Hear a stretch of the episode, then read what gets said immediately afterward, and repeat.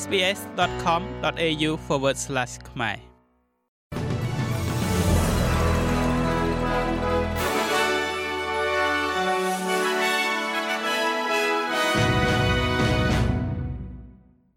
សូមស្វាគមន៍មកកាន់នេតិព័ត៌មានខ្លីៗរបស់ SBS ខ្មែរសម្រាប់ថ្ងៃប្រហ័សទី8ខែកុម្ភៈឆ្នាំ2024 មេដឹកនាំគណៈបកប្រឆាំងលោក Peter Dutton មានប្រសាសន៍ថាគណៈបកសម្ព័ន្ធបានសម្រេចចិត្តគ្រប់គ្រងវិធានការកាត់បន្ថយពន្ធដំណាក់កាលទី3ដែលបានធ្វើវិសោធនកម្មដែលប្រកាសដោយរដ្ឋាភិបាលសហព័ន្ធនៅក្រោមការផ្លាស់ប្តូរពន្ធនេះអ្នកដែលមានប្រាក់ចំណូលក្រោម150,000ដុល្លារនឹងទទួលបាននូវការកាត់បន្ថយពន្ធកាន់តែច្រើនខណៈដែលអ្នកមានចំណូលលើសពីចំនួននោះ នឹងនៅតែទទួលបានអត្ថប្រយោជន៍ដែរប៉ុន្តែតិចជាងការព្យាករពីមុនក្រោមសំណើដើម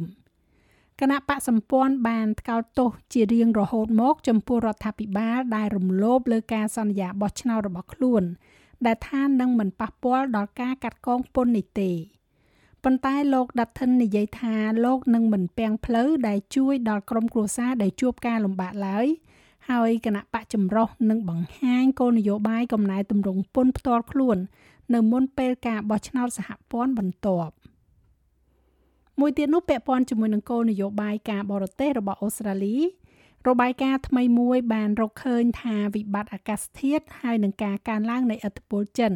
គួរតែជំរុញធម្មពលឲ្យអូស្ត្រាលីកាន់តែឆ្លាតវៃជាមួយនឹងជំនាញគ្រប់គ្រងការងាររដ្ឋ របាយការណ៍ដែលផលិតដោយក្រុមអ្នកគិតគូរកិច្ចសន្ទនាការទូតនិងការពារជាតិនៃតំបន់អាស៊ីប៉ាស៊ីហ្វិកនេះត្រូវបានចាប់ផ្ដើមដំណើរការឡើងដោយរដ្ឋមន្ត្រីការបរទេសលោកស្រី Penny Wong និងលោក Simon Birmingham នៃគណៈបកសម្ព័ន្ធវាបង្ហាញថាការចូលរួមរបស់អូស្ត្រាលីជាមួយនឹងពិភពលោក มันអាចទុកសម្រាប់តែនាយកដ្ឋានកិច្ចការបរទេសនិងក្រសួងការពារជាតិទេ ហើយប្រទេសនេះត្រូវតែជៀសវាងគោលនយោបាយការបរទេសដោយស្វ័យប្រវត្តិលោកស្រីវងនិយាយថាមានការគ្រប់គ្រងពីគណៈបកទាំងពីរកើនឡើង សម្រាប់គំនិតស្ដីពីវិធីសាស្ត្ររបស់ប្រទេសទាំងមូលនេះចំពោះគោលនយោបាយអន្តរជាតិចុងក្រោយនេះគឺពាក់ព័ន្ធជាមួយនឹងបញ្ហាទំនិញឡើងថ្លៃដែលរបាយការណ៍ថ្មីមួយ ដោយអតីតប្រធានគណៈកម្មការប្រកួតប្រជែងនិងអ្នកប្រើប្រាស់អូស្ត្រាលី ACCC និយាយថាការអនុវត្តតម្លៃអយុត្តិធម៌បានរួមចំណែកដល់អតិផរណាខ្ពស់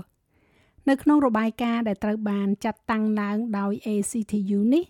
សាស្ត្រាចារ្យ Alan Fels និយាយថាទូនាទីនៃអាជីវកម្មនៅក្នុងការជំរុញអតិផរណាត្រូវបានគេមើលរំលង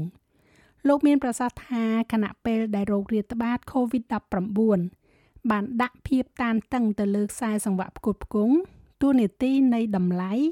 ការកំណត់ថ្លៃនិងការកំណត់ប្រាក់ចំណេញតកតងទៅនឹងអតិផរណាចាំបាច់គឺត្រូវតែដោះស្រាយឲ្យបានត្រឹមត្រូវ